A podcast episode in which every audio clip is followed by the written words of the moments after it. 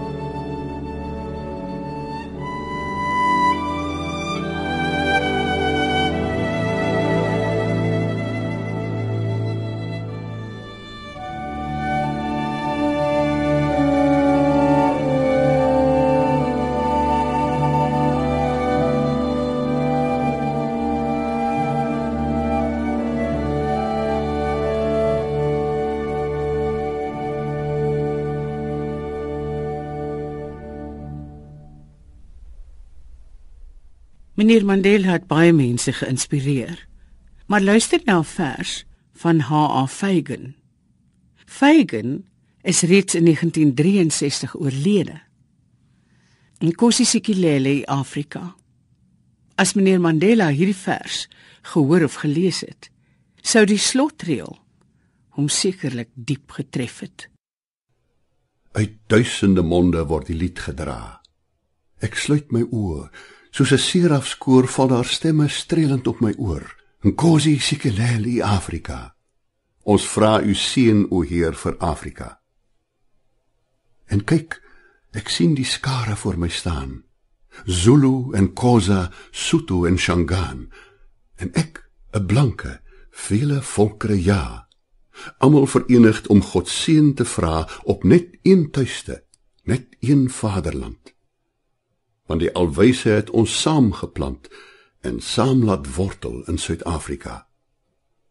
Nkosi sikeleli Afrika. Sien hier die land wat vele volkere dra. Adam Small het ook 'n vers wat hy noem Nkosi sikeleli Afrika. Hier half versteen onder die gloed van die son, staan staan 'n swart man in sy 12 rooi beeste in gelid. En in die stilte wat groen glinster teen die bulte, wys die dorings wit. O geeste kan weer leef soos ou vulkane as die bloed in hul bly kook het vir 'n duisend maande. Maar wie kan vir ons bid dat God die wêreld seën en elke os en nasie vet laat reën? en ons laat weet hoe feilbaar was Nonkwasi.